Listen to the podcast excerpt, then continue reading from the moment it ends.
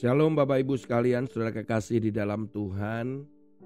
Bacaan firman Tuhan yang terambil di dalam kitab Amsal pasal yang ke-19 ayat yang ketiga. Demikian firman Tuhan. Kebodohan menyesatkan jalan orang.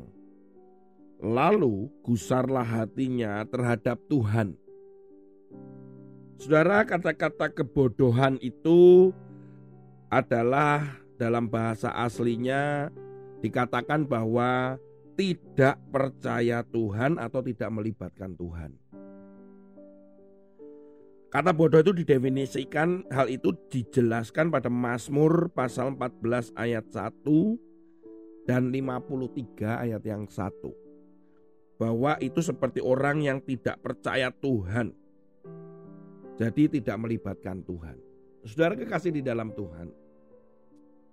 Ketika seseorang mulai tidak melibatkan Tuhan, tidak percaya dengan Tuhan. Lalu gusarlah. Gusar itu kata-katanya itu adalah marahlah hatinya terhadap Tuhan. Saya mencoba menoleh ke belakang sejenak. Begitu banyaknya orang yang meninggalkan Tuhan. Orang-orang yang cukup berpengaruh di dalam dunia kekristenan.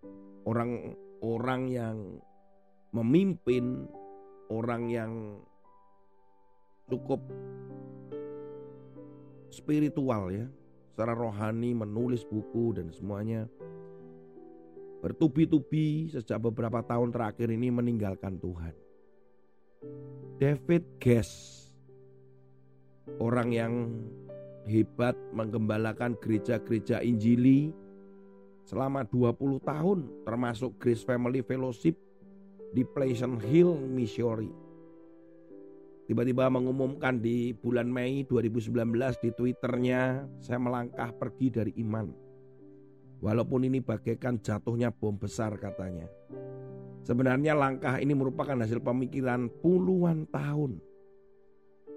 Dia mengakui bahwa dia nggak pernah percaya dengan kuat kepada Kristus. Dan selalu mempunyai keraguan-raguan. Dan dia juga berkata pernikahan saya adalah sebuah tipuan Doa tidak pernah dijawab, mujizat tidak pernah terjadi. Seorang gembala loh saudara, 20 tahun. Joshua Haris, Juli 2019.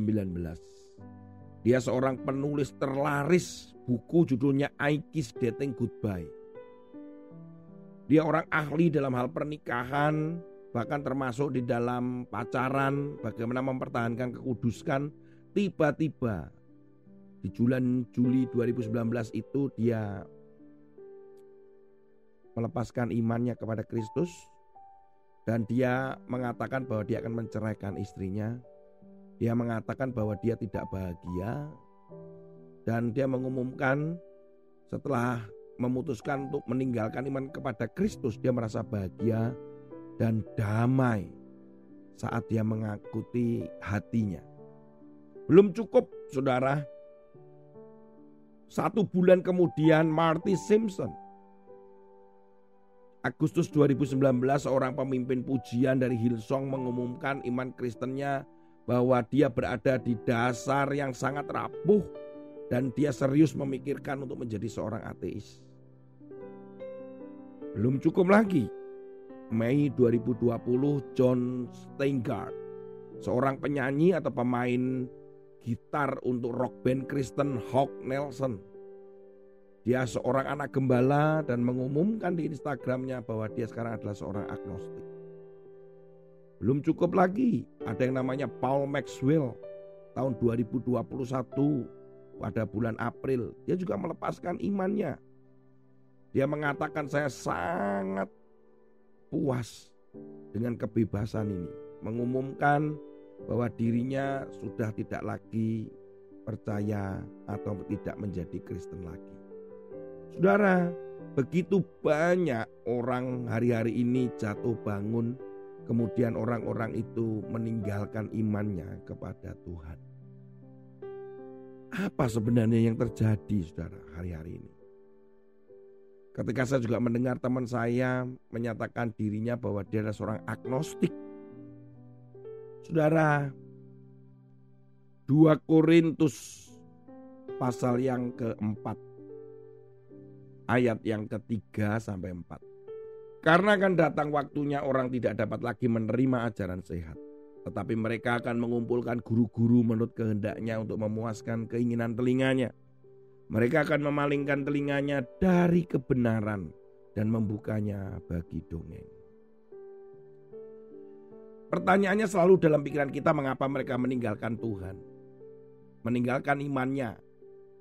Kita pun kadang berpikir mereka saja bisa meninggalkan apalagi kita yang mungkin merasa bahwa saya tidak ngerti teologi ya, saya tidak mengerti apa-apa, saya bukan orang yang bisa mimpin pujian seperti orang-orang tadi. Bahkan mereka adalah orang-orang pinter ya saudara. Seorang hamba Tuhan dari Las Vegas setidaknya mencatat 10 alasan orang itu mengapa meninggalkan Tuhan. Pendeta bernama Vince ini latar belakangnya adalah memang dari keluarga non Kristen tapi dia memulai gereja dan dia percaya Tuhan menulis buku. Dia mengembalakan dan pengajar di gereja First di Las Vegas Nevada.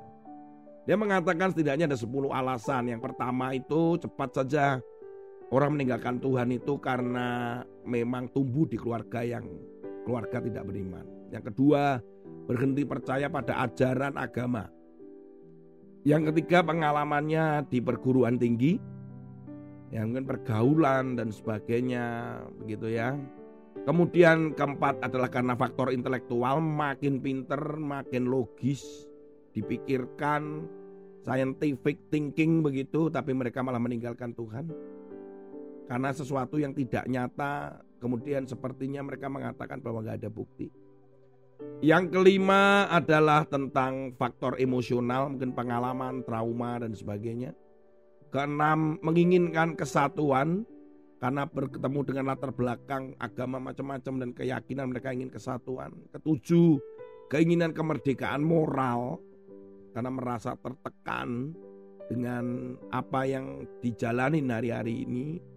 Kemudian kedelapan adalah masalah tentang seks orientasi seksual, lesbianism, kemudian monogami dan sebagainya yang sangat ketat di dalam kekristenan dan menurut firman Tuhan. Kemudian faktor politik karena sebuah pilihan demi pilihan jangan dianggap enteng. Tetapi ternyata faktanya memang ada orang meninggalkan iman karena faktor politik demi jabatan dan sebagainya. Yang ke-10 adanya berkembangnya ateis di beberapa negara yang menjadi tren yang akhirnya mereka meninggalkan Tuhan. Saudara bagaimana dengan kita? Kadang kita mengalami sebuah dilematis-dilematis dengan pergumulan yang cukup berat. Yang pertama jujurlah di hadapan Tuhan. Yang kedua kita berpikir dengan jawaban doa, dengan melalui mujizat kita pikir kita akan menambah kita semakin mengenal dia dan intim dengan Tuhan. Faktanya tidak demikian. Orang Israel yang penuh dengan mujizat dan merasakan mujizat pun mereka meninggalkan Tuhan. Orang Israel yang melihat Tuhan dalam bentuk tiang awan dan tiang api pun meninggalkan Tuhan. Sebenarnya apa yang diinginkan Tuhan? Pertemuan dan perjumpaan pribadi pengalaman saudara dengan dia. Karena kita mengharapkan terlalu banyak untuk mujizat dan doa dijawab, pengalaman. Kadang kita berpikir dengan logika yang berat. Kita tidak melihat Tuhan, tidak melihat secara nyata. Sesuatu yang tidak kelihatan belum tentu itu tidak ada. Sama dengan frekuensi. Ketika saya tanya apakah ada di tempat saudara frekuensi sebuah stasiun swasta atau radio, saudara itu ada dalam bentuk gelombang. Kita tidak lihat, kita nggak bisa tangkap itu dengan mata, dengan telinga kita. Tetapi itu ada ketika kita punya receiver dalam bentuk stasiun TV atau radio atau penangkap gelombang atau ada internet dan sebagainya. Saudara, yang tidak kelihatan itu belum tentu tidak ada. Tuhan tidak kelihatan oleh mata kita, tapi dia selalu ada di dalam hidup saudara.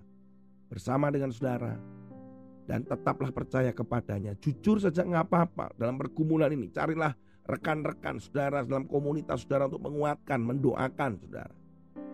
Ingat kebaikan Tuhan di masa-masa yang lalu. Pertahankan iman di akhir-akhir zaman ini banyaknya orang yang berjatuhan runtuh dan mereka adalah pemimpin-pemimpin yang banyak membuat orang terkejut dan mengikuti mereka. Hati-hati, ikutlah Yesus, bukan mengikuti manusia. Percayalah kepada firman. Alami perjumpaan dengan Yesus. Dekat intimlah dengan dia. Tuhan Yesus memberkati saudara. Amin. saatnya kau datang.